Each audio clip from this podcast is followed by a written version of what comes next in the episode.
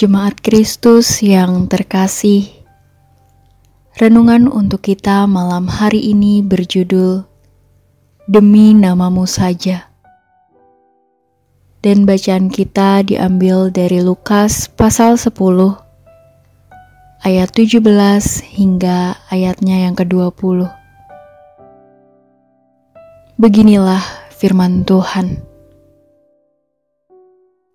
Kemudian ketujuh puluh murid itu kembali dengan gembira dan berkata, Tuhan, juga setan-setan tahluk kepada kami demi namamu. Lalu kata Yesus kepada mereka, Aku melihat iblis jatuh seperti kilat dari langit. Sesungguhnya, aku telah memberikan kuasa kepada kamu untuk menginjak ular dan kalajengking, dan kuasa untuk menahan kekuatan musuh, sehingga tidak ada yang akan membahayakan kamu. Namun demikian, janganlah bersuka cita karena roh-roh itu tahluk kepadamu. Tetapi bersuka citalah karena namamu ada terdaftar di sorga.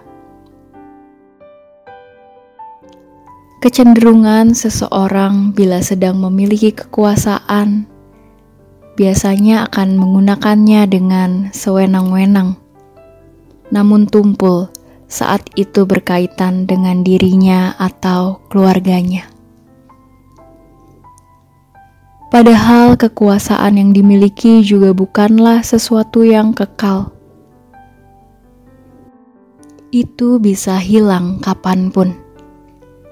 Kalau kita membaca perikop kita secara lengkap, kita akan melihat bahwa dalam nama Tuhan, para murid tersebut dapat mengusir roh-roh jahat dan mengalahkan kuasa kegelapan. Para murid bersuka cita akan hal yang sudah berhasil mereka lakukan. Dengan bijak, Tuhan mengingatkan mereka bahwa bukan keberhasilan itu yang terpenting, melainkan bahwa nama mereka diterima di sorga bersama dengan Allah.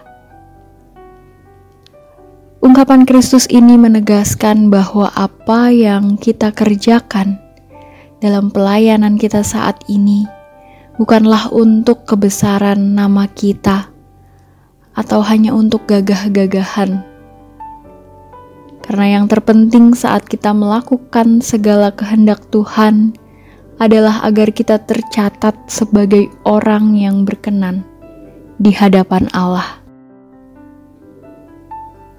Oleh karena itu, jangan memakai apa yang sudah kita lakukan untuk mendapatkan keuntungan apa pun, atau bahkan penghormatan dari orang lain.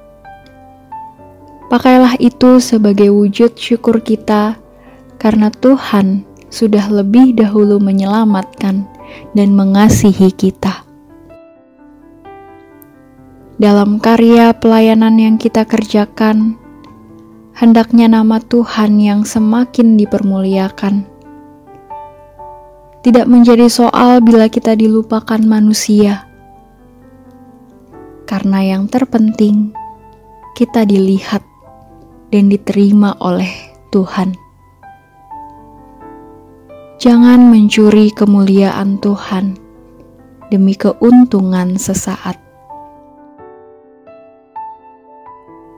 Demikianlah renungan malam ini.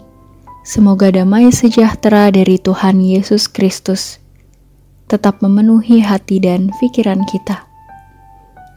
Amin. Jemaat yang terkasih, mari kita bersatu hati menaikkan pokok-pokok doa yang ada dalam gerakan doa 21 GKI Sarwa Indah. Mari berdoa.